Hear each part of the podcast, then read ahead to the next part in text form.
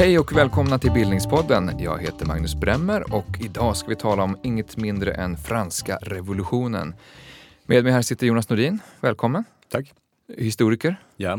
Specialiserad eh, 1600-1700-tal. Ja. Mycket Frankrike. En del Frankrike. Jag skriver en bok om Versailles. Mm. Eh, är väl det där jag fördjupar mig mest. Och eh, jobbar på Kungliga biblioteket. Jag Stockholm. jobbar på Kungliga biblioteket, ja. Franska revolutionen, stort ämne. Lika bra att vi sätter igång på en gång. Kortversionen, vad var den franska revolutionen? Den franska revolutionen är en omvälvning som väl egentligen innefattar tre saker. Det är, man upphäver de feodala privilegierna i Frankrike, man avskaffar monarkin och väl så viktigt men ofta bortglömt, det, det innebär också en kyrklig reformation i Frankrike. Så man, man kan tidsindela det här också lite på lite olika sätt och traditionellt så brukar vi säga att det startar 1789. Eh, egentligen så finns det en prolog till det hela också ett par år tidigare. Och ska man omfatta hela revolutionsförloppet så ska man ju även innefatta Napoleontiden och Napoleonkrigen för att det är en integrerad del som är organiskt hör samman med den franska revolutionen. Men, Och då är en bit in på 1800-talet. helt Ja, om man ska tala om själva eller liksom det koncentrerade revolutionsförloppet så eh, är ju det avslutat allra senast 1799 när Napoleon tar över som första konsul. Men då har också det här direktoriet som har styrt Frankrike från ja, de föregående fyra åren. Det är också en lite avmattningsfas i, i det här revolutionära förloppet. Men om, om man skulle säga vad är den franska revolutionen mest känd för? Alltså om du tänker, vad, vad gissar du att flest lyssnare har med sig in i det här samtalet? Giljotinen. Giljotinen. Giljotinen. Och de som låg under, eller? Eh, ja, du, naturligtvis. Nej, men eh, alltså i populärkulturell föreställning, det, man tänker det är två saker. Man, man störtar kungamakten och sen så eh, hugger man huvudet av adelsmännen som limpskivor. Chop, chop, chop. Det är ju liksom den allmän kulturella föreställningen skulle jag säga. Som stämmer också. Ja, i några, det finns ju orsakssammanhang som kanske inte alltid står klara för alla eh, betraktare. Och att det, är- det är ett mycket mer sammansatt skede. Och att det, det, man kan ju säga, egentligen franska revolutionen, jag skulle säga att den äger rum i tre faser. Första fasen från 1789 och fram till sensommaren 1792. Det är så att säga den moderata eller konstitutionella fasen och då är kungen fortfarande en viktig aktör i det hela. Sen så avsätts kungen, avrättas så småningom och det går, man går in i den här radikala fasen då från sensommaren 1792 fram till sommaren 1794. Och det här är väl det som tror jag för många är själva liksom, eh, huvuddelen av revolutionen. Det är det man brukar kalla för terrorn också. Det är, det är då giljotinen och de här summariska avrättningarna används då i störst utsträckning. Och sen så kommer det då en, en reaktionär fas efter den här terrorn, alltså från 1794 fram till Napoleons maktövertagande. Eh, och man får ett styrelseskick som brukar kallas för direktoriet och det här är politiskt sett så är det en ganska odramatisk period men, men det sker mycket då i utrikespolitiken. Men det är också politiskt och socialt så blir det lite av en reaktion på det här tidiga radikala eh, förloppet. Så vi har en reformistisk fas, en radikal fas och en reaktionär fas. Det slutar i stort sett med att man får en ny envåldshärskare fast som är... Ja, man har ju gått varvet runt och det är lite intressant där därför att man kan säga att under den här 10 års, eller om vi säger då 25-årsperioden, om vi räknar in hela revolutionsförloppet inklusive Napoleontiden, så går ju Frankrike från att vara en monarki till att bli en republik till att bli ett kejsardöme. Och det här är ju någonting som koncentrerat då bara på eh, mindre än en generation så beskriver det samma konstitutionella utveckling som eh, det antika Rom eh, hade beskrivit under en 500-årsperiod. Och det här är ju någonting som man är väl medveten om i samtiden. Man drar ju den typen av paralleller och för Napoleon så är det viktigt också att göra de här antika kopplingarna därför att det som det antika kejsardömet hade gjort då, enligt den politiska mytologi som odlades då under antiken, det var ju det att man hade kejsardömet kombinerade det bästa från monarkin och republiken. Monarkins stabilitet men republikens frihet. Mm. Och det här då i, i valkejsardömet som det ju var då hela tiden så behöll man då åtminstone formellt de här republikanska institutionerna och den medborgerliga friheten. Och precis den typen av mytologiska eh, föreställningar om politik, det, det behöll man ju också. Vi ska återkomma till eh, Napoleon. Men du skulle säga att en vanlig missuppfattning om franska revolutionen är att Ludvig XVI och Marie Antoinette eh, giljotineras direkt fast mm. det egentligen eh, är en ganska långsam process. Mm. Finns det någon annan sån eh, missuppfattning om vad franska revolutionen var eller hur den gick till? Ja, jag tror att en, en vanlig föreställning som man ser, jag vill minnas det från min skoltid till exempel, så fick man den här uppfattningen att franska revolutionen innebär födelsen av alla moderna politiska föreställningar och att hela det här medborgarsamhället och vänster-höger-indelningen på den politiska skalan och den här tanken om, om civila och medborgerliga rättigheter, att, den, att de idéerna föds med franska revolutionen. Jag skulle säga tvärtom, att franska revolutionen är ett symptom och inte en orsak. Eh, många, av de, många av de här förändringarna som vi gärna eh, förknippar med franska revolutionen. Just den här tanken om att eh, lika, lika rättskapacitet för alla medborgare, att alla ska betala lika mycket i skatt eller att, eh, och att eh, man har samma politiska och medborgerliga och juridiska rättigheter. Men det som är att alla de här idéerna, de har ju då diskuterats och fått väldigt stort genomslag över hela den europeiska kontinenten från slutet av 1600-talet och under hela 1700-talet. Och den här tanken om att eh, man ska ha lika medborgerliga rättigheter, alltså den, den tanken är ganska väl utbredd i lärda intellektuella kretsar och i, bland de högre stånden och sådär. Det är liksom en lite modeföreställning.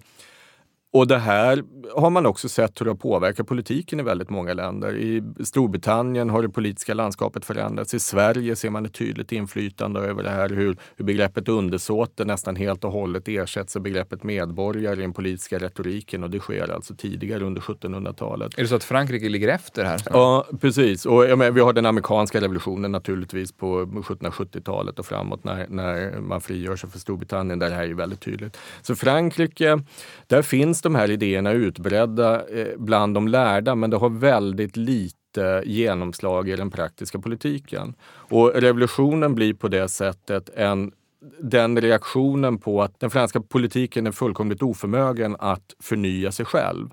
Man följer inte med sin tids intellektuella utveckling och då blir, när den här diskrepansen blir för stor så blir till slut revolutionen det enda återstående alternativet.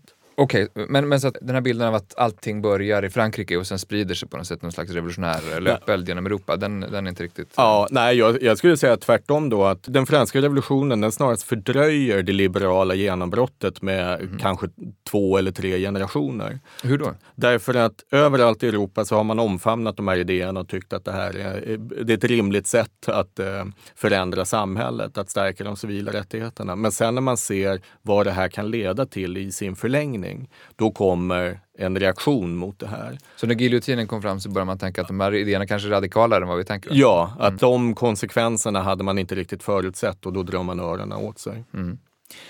Men eh, frihet, jämlikhet, broderskap då? Det låter egentligen inte så eh, radikalt. Nej, det är ju en begreppstriptyk eh, som ju kommer från den här tidiga reformerande fasen så att säga. Jag tror att första gången det där används i skrift är ett reglemente för eh, det nya nationalgardet, alltså den nya medborgararmé som man bygger upp i revolutionens inledningsskede. Och det, det ska stå på deras fanor, liberté, egalité, fraternité. Men den där, den används väldigt sällan sådär slagordsmässigt eh, under själva revolutionsförloppet. Utan det, ofta är det inbäddat till mycket längre. Jag tror att liberté ou la mort är, är vanligare, alltså frihet eller döden. Det är, mm. sådär, det är ett sånt där slagord som oftast används. Mm. Men så finns det mycket längre fraser med det här unité indivisibilité de la république. Och unité indivisibilité de la république, liberté, égalité, fraternité, ou la mort. Och det, är, det, är liksom, det är alldeles för långt för att fungera som ett slagord. Det blir då enighet för den odelbara republiken, frihet, jämlikhet, broderskap eller döden. Okay. Det är inte lika catchy. Nej, det blir nej. inte. Så att det här, man kan ju idag se, om man åker runt i Frankrike, ser man ofta inhugget på offentliga byggnader så, här, så står det Liberté, Egalité, Fraternité. Men de eh, inskriptionerna är i allmänhet från den tredje republiken. Mm. Alltså, och den är när, ja, vad är det, 1873 till 1940. Mm. Så att det är där i slutet av 18 början av 1900-talet då får det en, liksom den här fasta formen som ju fortfarande är bekant idag. Men så det här enorma symbolvärde som franska revolutionen ändå har, är det, är det en efterhandskonstruktion eller vad beror det på? Ja, alltså, jag tror för fransk självbild har ju naturligtvis haft jättestor betydelse och jag tror att franska revolutionen fortfarande är väldigt levande i i eh, fransk diskussion idag. Eller för, åtminstone fram, idag har vi då det som kallas då för den femte republiken från slutet av 50-talet och framåt. Och ända fram till i modern tid så har den här uppdelningen mellan republikaner och monarkister varit ganska styrande för det franska politiska livet. Sen är ju det det komplicerande faktumet då att man dessutom haft två monarkistiska fraktioner. Man har haft en bonapartistisk och en eh, bourbonsk. Som är den gamla... Gamla kungafamiljen och de som stöder kejsarfamiljen så att mm. säga. Så att det där är ytterligare komplicerat förhållande. Men om du skulle ranka franska revolutionen bland eh, viktiga moderna händelser, var hamnar den? Ja, den ligger, om vi talar så här, det, viktigare är ju de här stora strukturella förändringarna som äger rum i olika, jag skulle säga att reformationen eller industrialismen eller urbaniseringen av samhället, att det är ju egentligen viktigare som processer.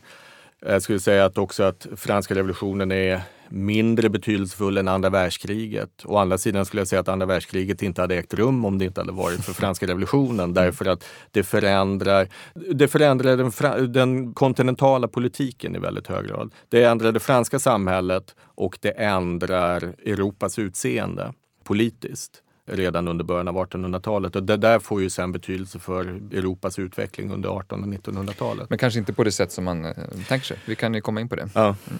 Innan vi går tillbaka lite, för att få ett litet persongalleri, skulle du kunna säga sådär, eh, tre, fyra, fem personer som är väldigt viktiga i den här revolutionen?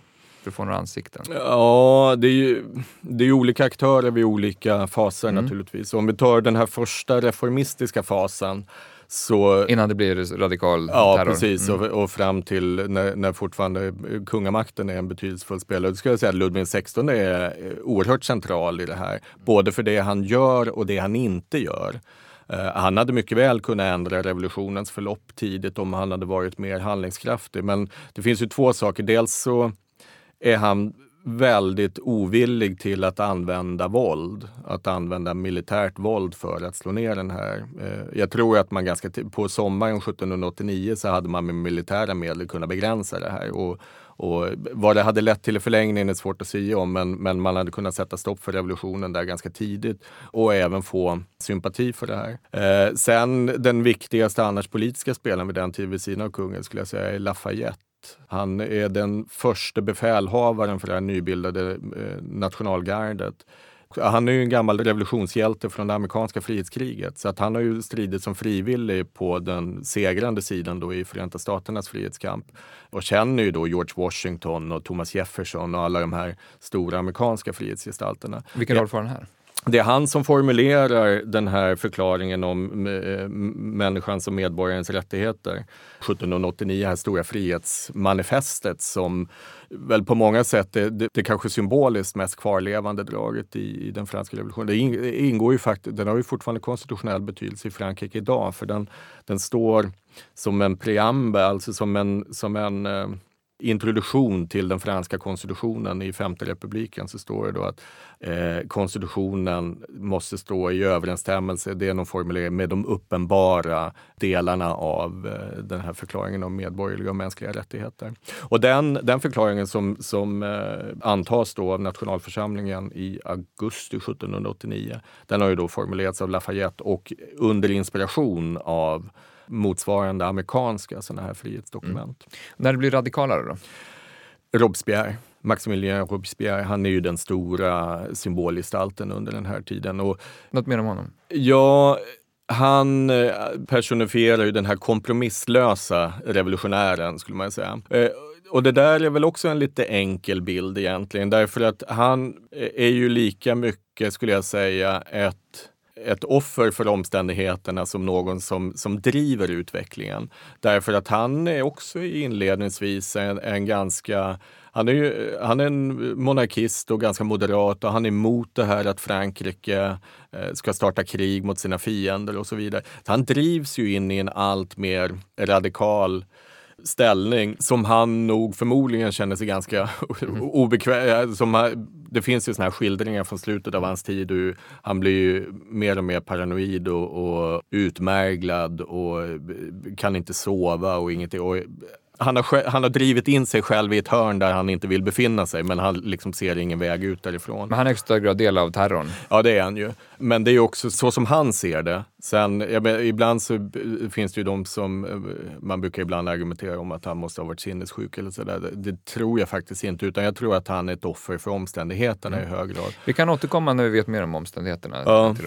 Men vi, vi tar det från början. Om, alltså, om du skulle beskriva det gamla Frankrike, mm. L'ancien regime pratar man om, den mm. gamla regimen. Vad är det för någonting? Hur ser det ut? Det är Europas ojämförligt rikaste stat. Det är också den mest folkrika staten. Det har haft en väldigt snabb befolkningsutveckling under 1700-talet. Då har befolkningen stigit från 20 till vad är det, 26 miljoner under 1700-talet. Och även om det då är Europas rikaste stat så är det också en av de mest ineffektiva. Och det hör delvis samman. Därför att Frankrike är så pass välbeställt att Även om när man tar ut skatter och annat från undersåtarna så är det ganska lite av det här som når de kungliga skattkistorna. Men det är ändå tillräckligt mycket kvar för att man, ska, man inte ska behöva reformera statsmakten. Och det gör man i många andra länder där man, fattigare länder, det, det, kräver man ju politiska och administrativa reformer för att kunna effektivisera staten.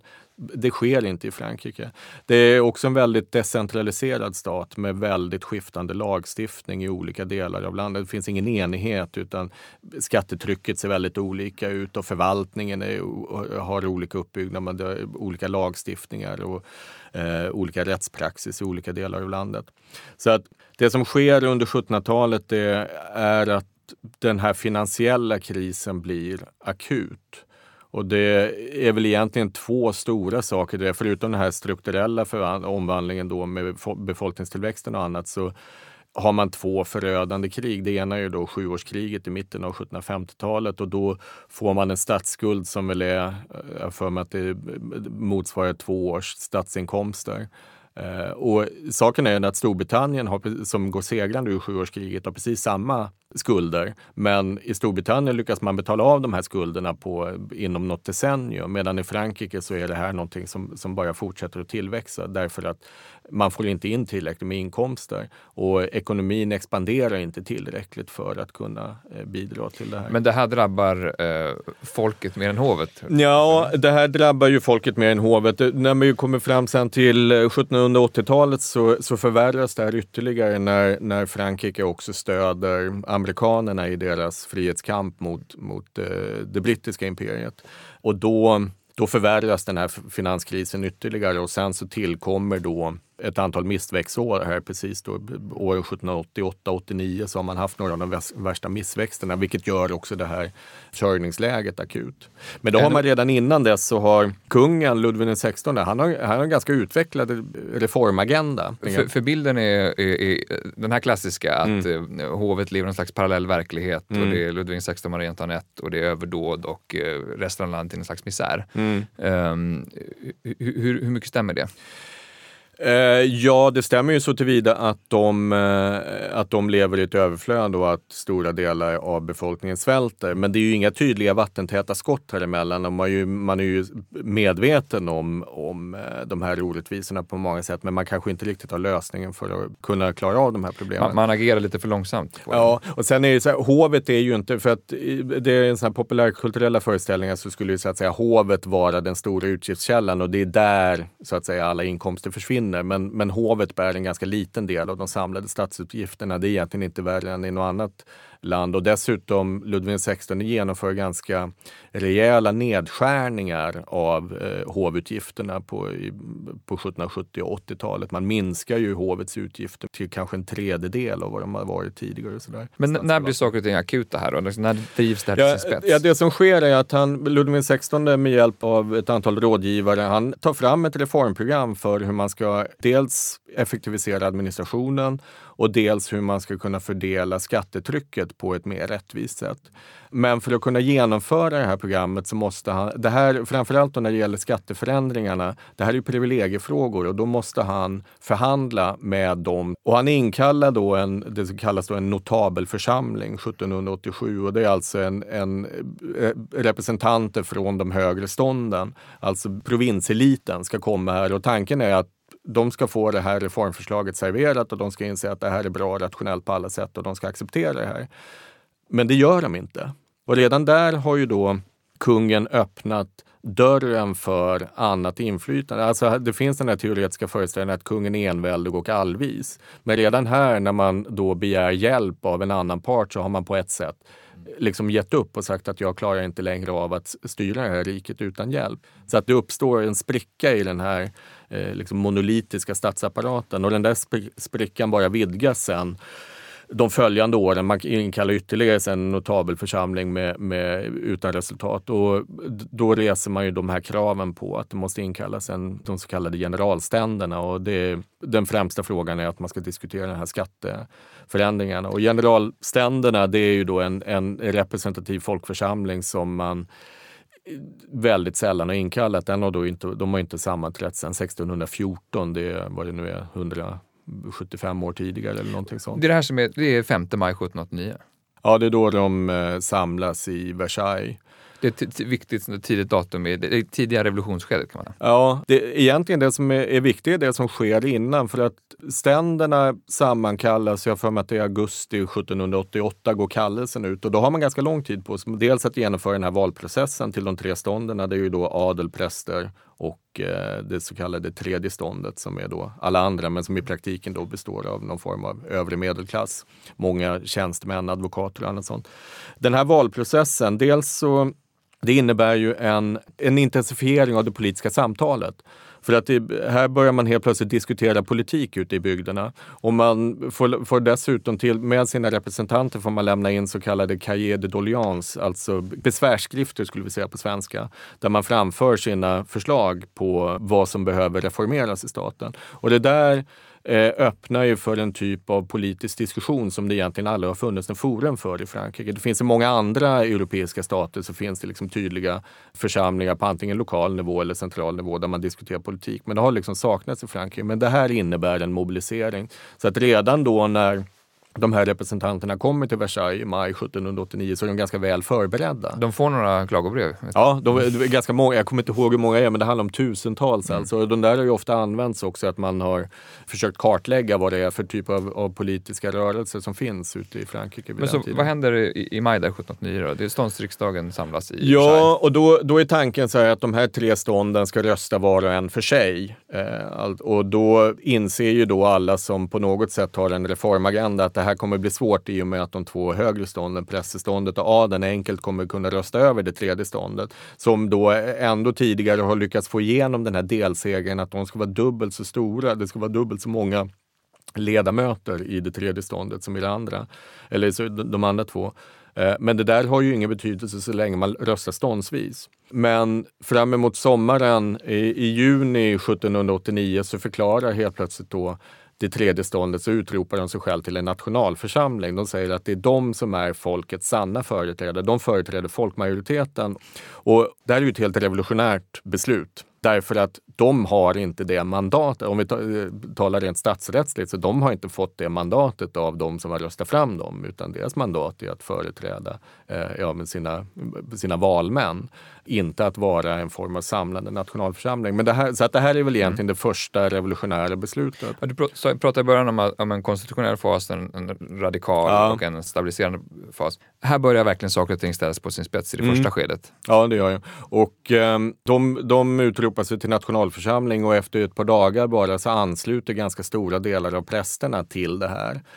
Och ytterligare då några dagar senare så samlas de, de kommer till det här som kungahuset tillhandahåller, det är de här kungliga eh, dekorateljéerna ute i Versailles. En dag kommer de dit och dörrarna är låsta och då letar de upp en annan lokal eh, i stan som kan husera så här många människor. Då hittar man det här då så kallade bollhuset som är en så här kunglig tennishall. Och där äger då någonting viktigt rum, för där svär man då den så kallade bollhuseden. Eh, och bollhuseden, det, där säger man då att den här församlingen ska inte skiljas åt innan man har gett Frankrike en konstitution. Och där är viktigt också, man säger inte en ny konstitution utan en konstitution. För det är det också, Frankrike saknar ju alltså egentligen en konstitution. Och vad innebär det i praktiken? Man begränsar kungamakten men det är inget snack om att göra sig av med den här? Nej, eh, den här då grupperingen, nationalförsamlingen, då brukar man tala om den konstituerande nationalförsamlingen därför att deras främsta uppgift är att utarbeta en konstitution. Och det tar ganska lång tid. Den eh, presenteras, vad är det, i augusti 1791. Och, eh, så man har jobbat med det här i drygt två års tid. Och det är alltså en eh, konstitutionell monarki. Eh, det är en parlamentarisk monarki därför att kungen har ett antal rådgivare men de utses av den här nya folkförsamlingen. Men kungen utgör då den exekutiva makten och har en viktig roll i det här. Men, men redan kort efter den här Bollyseden, 14 juli 1789, som är nationaldag i Frankrike fortfarande, stormning av Bastiljen. Mm. Hur hänger den ihop med eh, allt det här? Mm. I det här skedet har kungen möjligen chansen att sätta stopp för det här revolutionsförloppet. Man har ju samlat då en, en stor del lojala trupper från andra delar av landet då runt Parisområdet och runt Versailles för att man ska kunna gå in med militärkraft. Man, man anar att uh, saker inte står rätt till, att någonting börjar röra på sig i statsapparaten? Ja, och i Paris uppstår det ju då, när de här truppstyrkorna samlas, uppstår det ju en allmän uh, upprorsrörelse där också, där man menar att man måste beväpna sig för att eh, sätta stopp för den här kungliga aggressionen som man då anar i antågande. Och då går man först till det här så kallade invalidhotellet, alltså som, eh, där, där, man hittar vapen. Och sen vid Bastiljen så vet man att det finns krut. Det är Paris stora krutförråd. Bastiljen är en medeltida fästning som också används som fängelse, ligger i Paris utkanter. Och då tågar man dit för att eh, komma över de här kruttunnorna. Och det här är egentligen då en våldsam urladdning som äger rum under en dag när man lyckas storma den här Bastiljen och man, man avrättar eh, befälhavaren och så vidare. Kungen vacklar huruvida han ska använda våld eller inte. I det, här, I det här skedet så börjar han också tveka huruvida de trupper som han har kommenderat till Paris, om de överhuvudtaget kommer lyda order. Med tanke på allt som har hänt med nationalförsamlingen? Ja, så att han backar från den här våldsanvändningen som ju överhuvudtaget inte har legat särskilt nära för honom. Men på, på ett sätt så blir det där bestämmande, den här Bastiljen, för huruvida man ska använda våld eller inte för att lösa upp det hela. Eh, men det är väl då dess eh, stora symboliska betydelse. Folket anar också vad man har makt att göra så att säga, kollektivt, eller? Ja, men samtidigt så är det så att jag skulle säga det finns ju många forskare som menar att de här folkmassan ju egentligen inte har så stor betydelse under det här franska revolutionsförloppet. Det är en väldigt orolig tid från hela den här tioårsperioden från, som vi talar om den korta revolutionen 1789 till 99. Det är, det är inbördeskrigsliknande förhållanden under ganska många år här och att det här gör att landet är väldigt svårstyrt.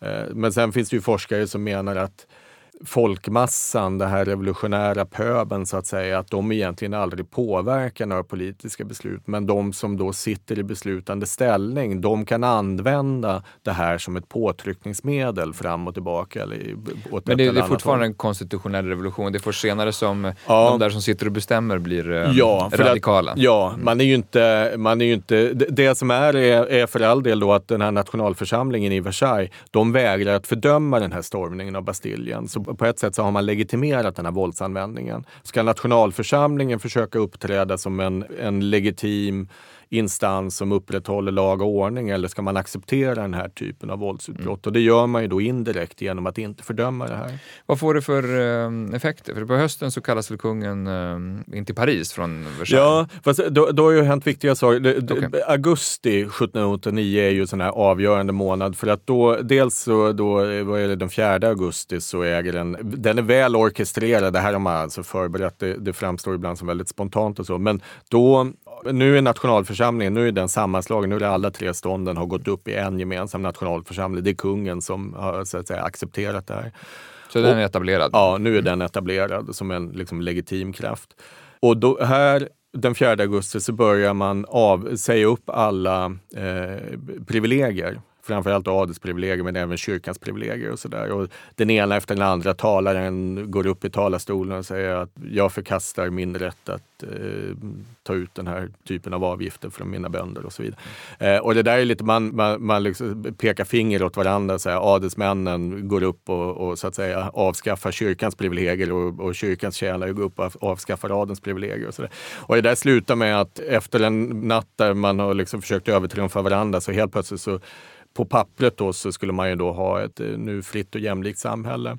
Sen så visar det sig då långt senare då när det här ska omsättas i praktiken så är ju det här, de här eh, upphävande upphävandena av privilegierna är ju villkorade på många sätt. Så att, eh, till exempel de här dagsverksplikter och annat sånt som bönderna haft i förhållande till adelsmän. Det är ju sånt som man sen måste friköpa och sådana och Det är ganska, eh, ganska omfattande avgifter för att köpa sig fri från de här adelsmännens eh, pålagor och sådana saker. Men hur, 1791 så är det den här, antas den här konstitutionen som liksom kraftigt begränsar kungamakten. Men fram till dess, liksom, hur ja. förhåller sig kungen till, till nej, för, allt det som händer? Nej, för att det, det, andra som sker i augusti 1789, det är ju sen i slutet av månaden så antar man också den här förklaringen om, om medborgerliga och mänskliga rättigheter. Mm. Lafayettes... Men, ja, mm. precis. Men bägge de här deklarationerna vägrar kungen att godkänna. Han har ju fortfarande då, eh, det här är ju egentligen ett icke-konstitutionellt skede där, där så att säga den absoluta kungamakten makten upphävd, men man har ingen tydlig ram för, för, hur staten ska styras. Men det finns ju ändå då en uppfattning att alla nya lagar ska ju då accepteras av kungen och han vill inte underteckna vare sig den här deklarationen om mänskliga rättigheter eller det här privilegiernas upphävande. Och det här kulminerar då i början av oktober med det som brukar kallas för kvinnotåget och det är att en stor del eh, kvinnor från ja, det är fiskmånglerskor och bagarmamseller och sådär som tågar ut till Versailles därför att de vill kräva då inte kungens avsättning eller så, utan man vill ha ett större ansvar från kungen. Att kungen på något sätt ska eh, styra som det är tänkt att han ska göra. Det brödpriserna Om man vill, ja, brödpriserna har ju stegrats här under sommaren och hösten och, och man tänker då att kungafamiljen ska eh, flytta till Paris och vara närmare medborgarna helt enkelt. Det kallas för kvinnotåget men Kvinnorna är väl, jag, jag, vågar inte ens säga om de är i majoritet i det här första skedet. De är, det är tusentals. De är definitivt inte i slutet av skedet för att de följs sen dessutom av 20 000 man ur nationalgardet. Så ja. det är liksom en stor beväpnad styrka som följer med här. Som också och, ville knacka på dörren? Och, ja, och de, står, och de anförs ju då av Lafayette. Den här folkmassan så småningom, då, det här är 5-6 oktober och på morgonen den 6 oktober så stormar man slottet. Men då för man med sig kungafamiljen sen in till Paris. Och eh, de återser ju sen aldrig Versailles utan sen bor de i Tuilerierna som eh, där slottet som låg då i, eh, ja, vid Tuileriträdgården. Mm. Och bara liksom kort om de här åren fram till den här ganska avgörande konstitutionen då? Var, ja, det, det egentligen viktigaste som sker därefter det är att man nationaliserar kyrkans egendom eh, hösten 1789. Så att all kyrkans mark den dras in till kronan och det är det sättet man ska så att säga fylla upp de här hålen i statskassan, det är genom att ta över kyrkans egendom. Och det här kommer i sin förlängning, den här kyrkliga reformationen kommer få då ganska fatala följder. I det här inledande skedet så är det egentligen ingen som protesterar, knappt ens från kyrkan själv. Eh, när kyrkan nationaliseras blir prästerna statstjänare.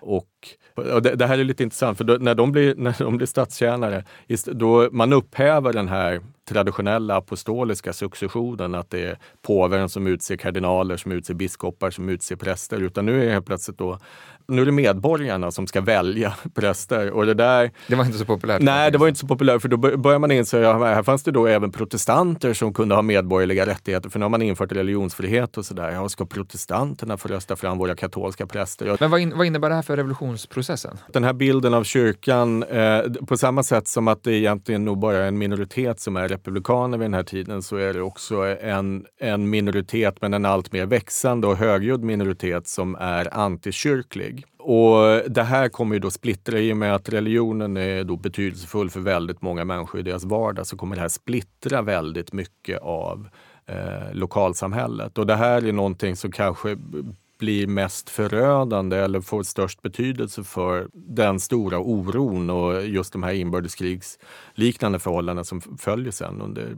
resten av revolutionsskedet. Det här är början av radikaliseringen? Ja, det kan man väl säga. Mm. Det, kan man säga. Det, det, stora skedet är sen när man 1791 ska välja nya präster och sådär och då inför man också en, det så kallas då för en civil konstitution för prästerskapet och det innebär att prästerna ska avlägga ed till eh, statsmakten. Och det här är någonting som splittrar prästerskapet. Somliga präster är reformvänliga och tycker att ja, men det är ju, de är allmänhetens tjänare och att det är helt rimligt att de avlägger ed till den statsmakt som ytterst också företräds av deras medborgare så att säga. Medan andra tycker att det här då ja, på rent religiösa grunder strider mot all vett och förnuft. Och de här då också Alltså adelsmännen har börjat emigrera tidigt. På sommaren 1789 så börjar de första emigrantvågorna från landet. Och det här fylls på sen med präster från 1791 och framåt. Så det är ganska många präster som flyr utomlands. Och vi, det, alltså, emigranterna kan ju räknas i tiotusental. 1791 eh, försöker väl även kungen att fly? Ja, Eh, och det här är, är, hela den här migrantvågen och kungens flykt är ju någonting som väcker tanken om att det finns en fientlig och reaktionär klick i utlandet som genom olika typer av konspirationer försöker upphäva den här revolutionen. Och kungen flyr från Paris. Han och Marie Antoinette? Han och Marie Antoinette och, och kungabarnen. Och Hjälpta av Axel von Fersen, eller? ja, vet det? ja, det är Axel von Fersen som ju då var en svensk general och eh, av allt att döma också var, var, eller hade varit Marie Antoinettes älskare, åtminstone förtrogne. Och tanken är att det finns ju redan här nu då främmande styrkor, främmande trupper vid Frankrikes gränser som leds då av franska adelsmän som har gått i exil. Det finns så att säga en, en mot revolutionär armé som står och väntar vid gränsen. Och kungens avsikt är då, vi, så vitt man kan bedöma, vi, det är lite oklart egentligen vad det är han vill uppnå, men förmodligen är det så att han vill ansluta till de här antirevolutionära styrkorna.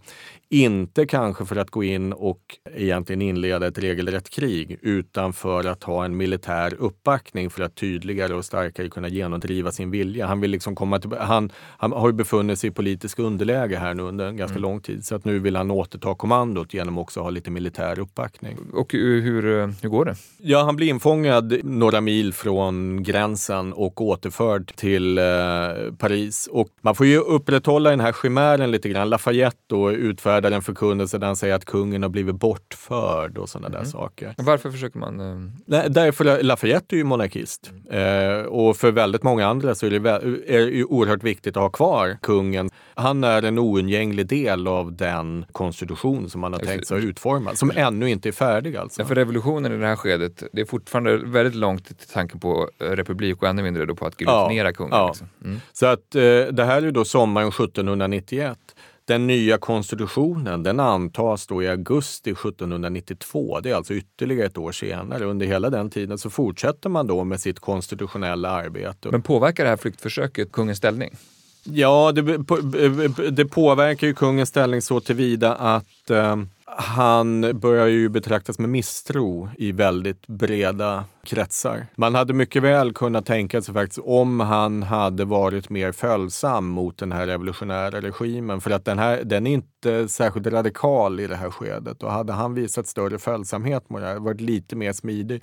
Ja, så hade det, fortfarande monarki. Det, ja, det hade det nog kunnat stabiliserats i det här läget. Det som eh, komplicerar saken ytterligare är ju att Frankrike har inlett krig i april 1792. Och det är när... Österrike först? Ja, precis. Alltså varför är det krig? Bara kortfattat. Tanken bland revolutionärerna är dels att man ska sätta stopp för de här utländska konspirationerna som man menar är utbredda. Och Eh, man vill också börja sprida det här revolutionära budskapet till de förtryckta undersåtarna i grannländerna.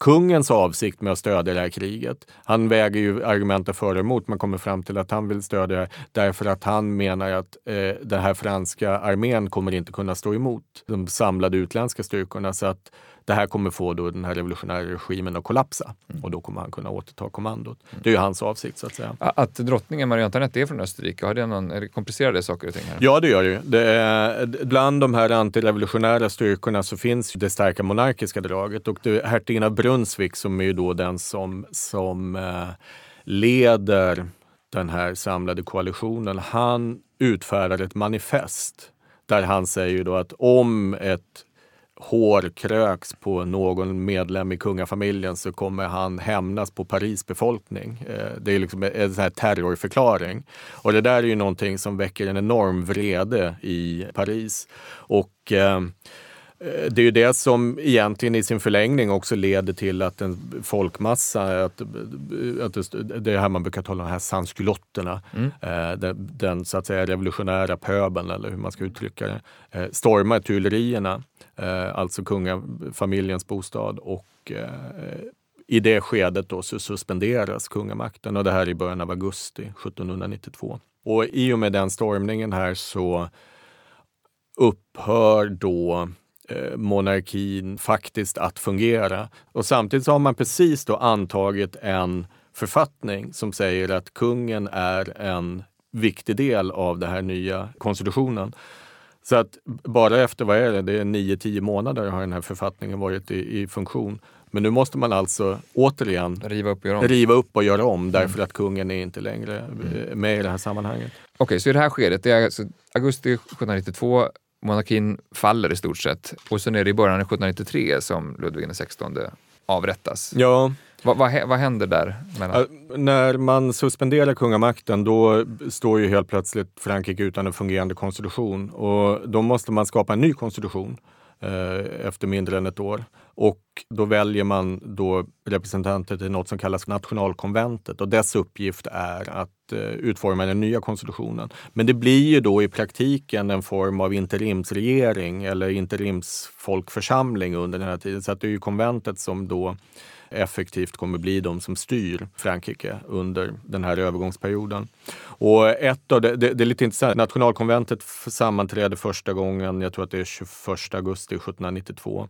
Och då börjar man diskutera då den här arbetet med nya konstitutionen och det är först så här som fråga tre så är det någon då, eh, ledamot som säger, ja men monarkin då? Vi, mm. alltså, vi kan ju inte gå vidare i arbetet innan vi har bestämt vad som ska hända med monarkin. Ja, och så fanns stöd för det. Ja, men det är ju klart. Det måste, och, och då, och ganska odramatiskt, då, så röstar man om att, att upphäva eh, monarkin upp, och utropa republiken istället. Och sen, sen kommer frågan, vad gör vi med kungen? Ja, sen kommer, exakt. Och där, där är ju den här, det här konventet är ganska splittrat i den här frågan, huruvida man ska bara landsförvisa honom eller om man ska avrätta honom. Och det som väl fäller avgörande det är att man, in, man uppfattar ju då att en landsförvisad kung, han kommer bli en samlingspunkt för alla de här antirevolutionära krafterna som man då upplever finns i omvärlden. Så att man tänker att om man avrättar honom ja men då kommer antirevolutionärerna, motrevolutionärerna kommer sluta hoppas. Det blir liksom ett, ett, eh, en, en punkt utan återvändo. Det men sitter det, det långt inne i röstningen? Ja, det som väl kanske sitter längst in eh, är väl det huruvida man ska ha en rättegång eller om man bara ska avrätta honom. Men det blir ju då en form av rättegångsförfarande som, som eh, drivs, inte av en domstol, utan av just det här konventet. Och där man, man talar om honom, inte som Ludvig XVI, utan som eh, medborgare Capet? ja, precis. Det är, det är ju det här gamla släktnamnet till, eh, som Bourbonerna har haft från vad är det, 500-talet, 800-talet och framåt. Det är ju en gammal kung, de har ju suttit jättelänge. Just det, men redan han, där han, kallas, man... han kallas också för Ludvig den siste. Okej, okay. okay. ja, redan där är han liksom detroniserad. Ja. Uh, när i, i för senare på 1793 så, så avrättades också Marie Antoinette. Ja. Är det självklart från början? Eller? Nej, det är väl också, det, det, där finns inte samma tydliga politiska motiv. Men där är ju tanken det är också att i och med att Frankrikes främsta motståndare vid den här tiden är ju Österrike och eh, de tänker att möjligen då att det ska, det ska få stopp på, på den här österrikiska framfarten om eh, man avrättar henne. Mm. Och det som följer efter allt det här brukar kallas för skräckväldet. Mm. Varför kallas det så? Här kommer man då in i ett skede då det sker en allmän radikalisering och den här paranoian och, och, paniken tillväxer ju ganska kraftigt. Den franska nordarmén som strider då upp eh, i, ja, i dagens Belgien så där, mot de österrikiska trupperna, det leds då av Dumouriez som är en fransk general som eh, har varit en, en övertygad revolutionär under hela den här tiden. Han förlorar ett fältslag det här är några månader efter att kungen avrättas. När han har förlorat ett fältslag, då försöker han helt plötsligt övertala sina trupper att de ska vända om och gå mot Paris. Så att han så att säga byter sida där och då. Eh, de här trupperna vägrar lyda honom och då ser han ingen annan möjlighet än att schappa så att han sticker. Och det här har man ett typiskt exempel på att det finns grund för den här paranoian. Att det faktiskt finns en tydlig, tydliga infiltratörer som försöker på alla sätt då att uppvigla folk till, till eh, motrevolutionära krafter. Mm. Tidigare har ju funnits en antirevolution men nu kan man börja tala om en tydlig motrevolution. Och det är i stort sett inbördeskrig i det här läget? Vid det här skedet och i mars 1793 så utbryter också det som kallas för Vendée-upproret. Det är då ett par månader också då efter kungens avrättning. Och där har man ju då ett regelrätt inbördeskrig fyra, fem år därefter och det är ju hundratusentals inblandade och döda i, i, i hela det här förloppet. Det, det här konventet är ju en folkförsamling eh, och alltså inte en regering, men det är indelat i olika utskott och det är väl två av de här som har betydelse. Det är säkerhetsutskottet och välfärdsutskottet. Och välfärdsutskottet blir ju då den egentliga regeringen och den starka mannen under hösten 1793 och första halvåret 1794, det är Robespierre. Och han eh, drivs ju till till allt mer desperata åtgärder. Man har inrättat det här som kallas för revolutionstribunaler som en form av, av eh, domstolar som snabbt då ska göra upp med de här antirevolutionära krafterna. Deras mandat blir mer och mer tydligt så att säga. Vad är det, det är väl i maj 1794 så då får revolutionstribunalerna bara utfärda en påföljd och det är dödsstraff. De får utfärda dödsstraff eller fria. Det händer att de friar för all del. Jag tror att det är 60-70 procent fällande domar eller någonting sånt. Så det händer att de friar. Men sen, det, liksom det ena efter det andra. De åtalade får inte längre inkalla vittnen till sin sak. Rättegångarna måste genomföras inom 24 timmar och avrättningen ska ske omedelbart. Och det är inte saker. så rättssäkert. Det blir inte så rättssäkert. Men, men det som är grejen med det här är att när den här revolutionstribunalen från början infördes så var det här en respons på det som man uppfattade att den här liksom folkliga rättsskipningen började gå helt överstyr. Att folk tog lagen i egna händer. Det här när man stormar Tuilerierna och avsätter kungamakten och såna saker. Man börjar, börjar ha ihjäl folk till höger och vänster så där, ute i provinserna. Och då säger man vi måste på något sätt återupprätta rättsstaten. Så att det här är ju liksom ett desperat försök att införa någon form av rättsordning. Men den också i sin tur då spårar ur fullständigt. Det säger något om hur kaotiskt läget är. Det är väldigt kaotiskt. Mm. Och, och det, just det här att man ska komma ihåg då det är inbördeskrig in i landet, det är främmande styrkor som, som eh, egentligen då omringar alla Frankrikes gränser och man känner att de här antirevolutionärerna, motrevolutionärerna, de är liksom överallt i samhället och de konspirerar till höger och vänster. Så att det är en fullkomlig alltså panik som, som griper omkring sig i hela statsledningen. Men det är någonstans kring 1795 som det börjar lugna ner sig? Ja, det, hela, det hela egentligen, det, det avstannar ganska snabbt och det, det är dels så vin, får man ju då lite militära framgångar vilket har en, har en betydelse. Men eh, till slut så är det också så att de andra medlemmarna i konventet som har stött Robespierre under hela försommaren eller hela första halvåret 1794, till slut så inser de att det är egentligen ingen som går säker i det här skedet. Han har ju sett till att utplåna både de som är till höger och till vänster om honom. Men genom en kupp i konventet så avrättas Robespierre också i juli 94 och tillsammans med den närmsta klicken. Och i och med det så avtar den här statliga terror, alltså den här rättsliga terrorn ganska snabbt. Den har Robespierre och hans liksom Ja, den, den, den har styrts egentligen från statsledningen och det är det som skiljer det lite från allt annat dödande vid den här tiden. Att det här är då tydligt orkestrerat av statsledningen. Mycket av det övriga dödandet det är ju Anarki på något sätt. Anarki på mm, något sätt, mm, ja mm. precis. Man brukar väl säga, det, det finns en amerikan som eh, räknade på 30-talet och de där siffrorna har väl accepterats av alla eh, forskare därefter. Man säger då att det är ungefär 16 500 personer som avrättas i någon form av domstolsförfarande från 1792 till 1794. Eh, Men sen är det ytterligare då kanske 150 000 eller 100 000 eller 200 000. Det är väldigt osäkra siffror men, men runt 150 000 landar man ofta. Människor som, som då dödas på olika typer av extrajudiciella sätt. Eh, det finns inget domstolsförfarande till exempel i Vendée man sätter då presumtiva eller då uppfattade upprorsmän på pråmar och så skickar man ut dem i floden och så sänker man de här pråmarna eller man skjuter ihjäl dem med kanoner och allt möjligt. Det är liksom bara fullkomliga massakrer. Men där finns det ju inget då rättsligt förfarande utan det är ju det är ett inbördeskrig. Mm. När, när kommer Napoleon in på banan? Ja, det är det här skedet. För att då, när, eh, det här kallas då för Thermidor-kuppen, eh, när man har, har störtat Robespierre.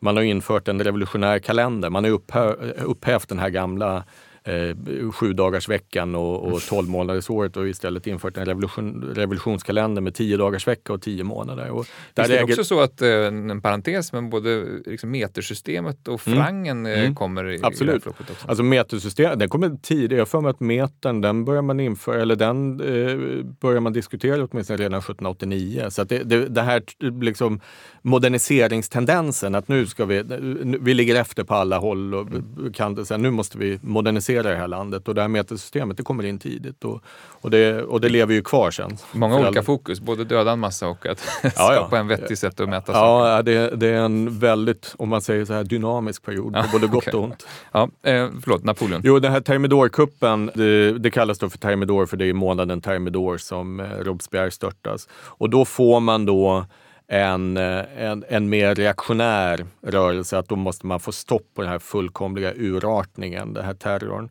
Och då måste man återigen skapa en ny konstitution. Det här, det här konventet, dess uppgift var ju då att skriva en ny konstitution och det gör man, det är man klar med det är väl redan eh, på sommaren 1793 tror jag. Men den också, eftersom det är pågående krig, så suspenderar man den med. Man, man lägger den i en kista och så hissar man upp den i taket i den här eh, salen där nationalförsamlingen, konventet, har sammanträtt. Och så hänger den där och så säger när freden kommer, då ska vi ta ner den och då ska vi bygga det perfekta samhället. Och då, den inleds med en ny och, och ännu mer liksom radikal förklaring om de mänskliga rättigheterna. Men den tas aldrig i bruk. För att den hänger i den där kistan i taket och freden kommer aldrig. Och sen då efter Termidor-kuppen och de här nya makthavarna tar över, då känner de att ja, men då måste de bygga en ny konstitution och den kan inte vara demokratisk på det här sättet som den som vi har. Det här man börjar få korn på kejsardömet på sätt och vis. Ja, och då, då får man, man har en idé, då, det är en sån här tvåkammarförsamling, det är en väldigt spännande konstruktion. Då har man då något som kallas för de 500 råd och de får diskutera förslag men de får inte rösta om dem utan de diskuterar förslagen så röstar man om det här i någonting då som kallas då de äldstes råd. Och det är en väldigt begränsad rösträtt. Nu är det bara 30 000 medborgare som har rösträtt. Det är de rikaste 30 000 människorna, de ska få rösta, inga andra. Så. Och så har man då direktoriet och det är den egentliga regeringen då, som består av fem personer. Så finns det sju fackministrar under dem.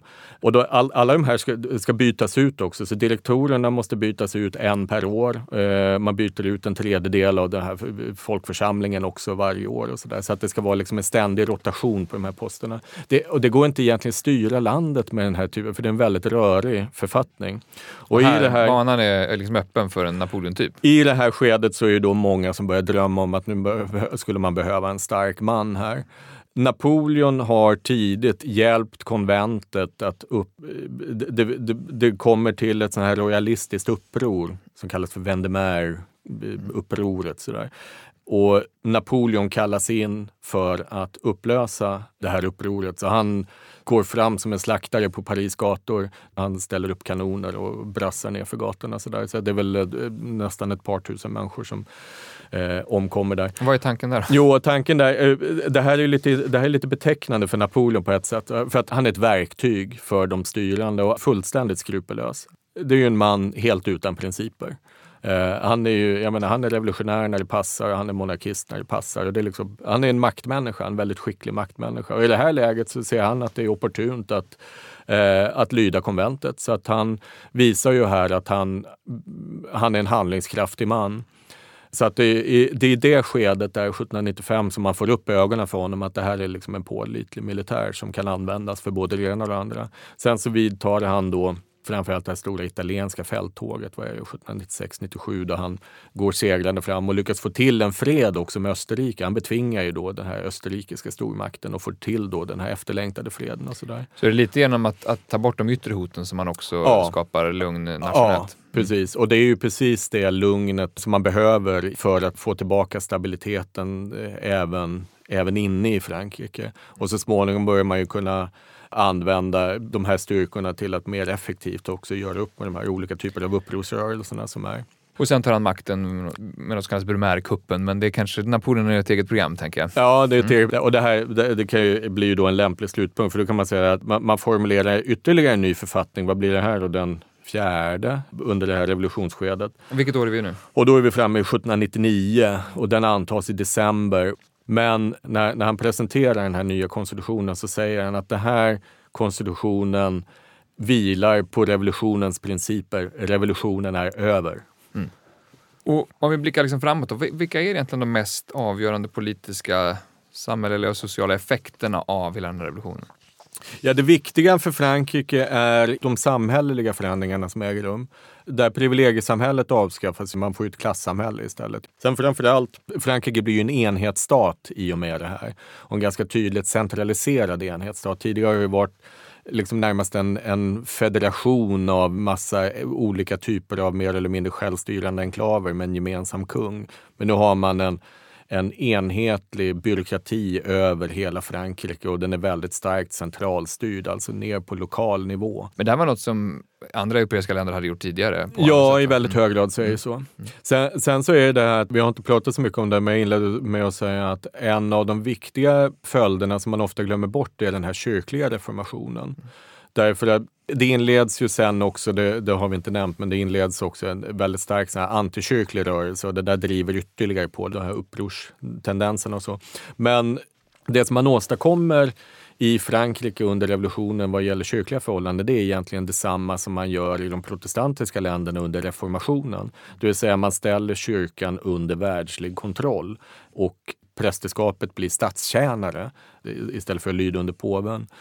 Biskoparna utses då av kejsaren under Napoleons tid eh, och sen egentligen bara godkänns av påven. Det är liksom det som är överenskommelsen. Men det är att man får samma utnämningsmakt som egentligen ja, som den svenska statsmakten har haft över den svenska statskyrkan då från, från eh, 1500-talet och framåt. Vilket skulle du säga är det mest oväntade arvet efter, efter eh, revolutionen? Det mest oväntade arvet. Eh, jag skulle säga att det, revolutionen har stor betydelse för Frankrike och Frankrikes utveckling. Mindre så för Europas utveckling om man talar om politiska förhållanden. Det är mer eh, men, symboliskt? Så, Ja, det, det, finns en stark symbolbetydelse, men, men däremot det har väldigt stor betydelse för den europeiska säkerhets och utrikespolitiken. Den politiska kartan ser helt annorlunda ut 1815 än vad den gjorde 1789. Hur, viktigaste och, punkterna? Ja, de viktigaste punkterna är ett, att Frankrike blir en mycket starkare och mer centraliserad makt än vad det varit tidigare. Men sen kanske ännu viktigare att Tyskland blir en mycket starkare och mer centraliserad makt än vad det varit tidigare. Men inte för, som en effekt av det här? Jo, för att Napoleon han upplöser ju 1806 upplöser han det här tysk-romerska kejsardömet som ju har legat i Europas mitt eh, och varit väldigt betydelsefullt eh, under tusen år dessförinnan. Men i och med det här, även om vi inte får ett enat Tyskland 1806 så, så är det här upplösandet av kejsardömet förutsättningen för Tysklands enande sen på 1870-talet. Återigen efter ett krig med Frankrike. För nu blir ju tydligt så här, Frankrike och Tyskland blir de stora motparterna i den europeiska politiken. Och det som tidigare har varit så att säga kontinentens mjuka kärna i Tyskland. Nu blir det istället kontinentens hårda kärna. Så att Tysklands makttillväxt, och det var det jag sa att, förut att andra världskriget hade inte ägt rum utan franska revolutionen och det beror på att Tyskland får en helt annan ställning i den europeiska politiken efter Napoleonkrigen än vad det haft tidigare. Om man tänker sig att, eh, att Frankrike har legat efter eh, ja. på många punkter här mm. och att revolutionen bara blir en sån, som du sa, ett symptom på något som redan har hänt på, mm. på sätt på andra håll. Ja. Förändrar det vad Frankrike sen blir på 1800-talet jämfört med andra europeiska länder? Nej, det viktiga är hur man enar Frankrike administrativt. Det är ju det, under hela 1800-talet sen så skiftar ju vi, vi, får då den här så kallade eh, restaurationen eh, efter 1815 eller redan 1814 då faktiskt när, när gamla Bourbonkungarna återinsätts. Och de sitter ju då, sen, sen 1830 är ju då nästa den här så kallade julrevolutionen och då kommer då, det är ju då en, en, en annan gren av den här Bourbonfamiljen som då inleder ett nytt konstitutionellt kungadöme som sitter fram till 1848 då vi har eh, ny revolution, den andra franska republiken följs sen av, av eh, ytterligare ett kejsardöme. Det andra kejsardömet det störtas och vi får den, den tredje republiken. Alltså, hela Frankrikes konstitutionella historia är ju ett mischmasch. Och de här bägge republikanska och monarkiska polerna liksom växlar om så. Mm. Det här är kommande avsnitt. Vi har en, mm. flera avsnitt vi kan plocka upp från detta. Men eh, om du skulle säga några, några spår av franska revolutionen i dagens Frankrike? Ja, vi har ju metersystemet och vi har trikoloren. Men marseljäsen, den här franska nationalsången till exempel, det, det är ju faktiskt ganska häpnadsväckande. Det är ju en väldigt blodig. Den är från 1792, det var egentligen den man skulle, inledningen av den här revolutionskrigen. Och det är en gammal stridssång som Som i stort sett är beväpna, fiendernas blod ska flyta och så vidare. Ja, precis. Det är Sjungs på fotbollsarenor Ja, regelbundet fortfarande. Våra fåror ska vattnas med motståndarens blod. Mm. vad det är. Det- Och den här skrevs i radikaliseringsskedet där någonstans. Ja, det skrevs i ett inle- inledande skede där man behöver mobilisera just de eh, stora truppmassorna som behövs då för att det är ju en amatörarmé som man ska sätta upp här helt plötsligt. Och det går ju jättedåligt för den eh, under väldigt lång tid och dess enda fördel är att de är så himla många. Massmobilisering är ju också en, en sån här del som kommer av franska revolutionen. Men så det, här, det revolutionära ligger i Frankrikes självbild efter det här? Ja, det är ju fortfarande väldigt levande. Och eh, som jag nämnde tidigare, att den här deklarationen om de mänskliga och medborgerliga rättigheterna, att det fortfarande ingår som ett dokument i den eh, franska konstitutionen, även nu i den femte republiken. Jag tror vi får avrunda där helt enkelt. Mm. Tusen tack Jonas Nordin Tack. för att du ville vara med i Bildningspodden. Tack också ni alla som har lyssnat. Ni kan ju gå in på bildningspodden.se och lyssna på tidigare avsnitt. Skicka ett mejl till bildningspodden su.se med nyhetsbrev i ämnesraden så får ni mer info om eh, aktuella program. Tack och hej! Du har lyssnat på Bildningspodden, en podcast från humanistiska fakulteten vid Stockholms universitet. Podden spelas in på Språkstudion och tekniker är Kristin Eriksdotter Nordgren.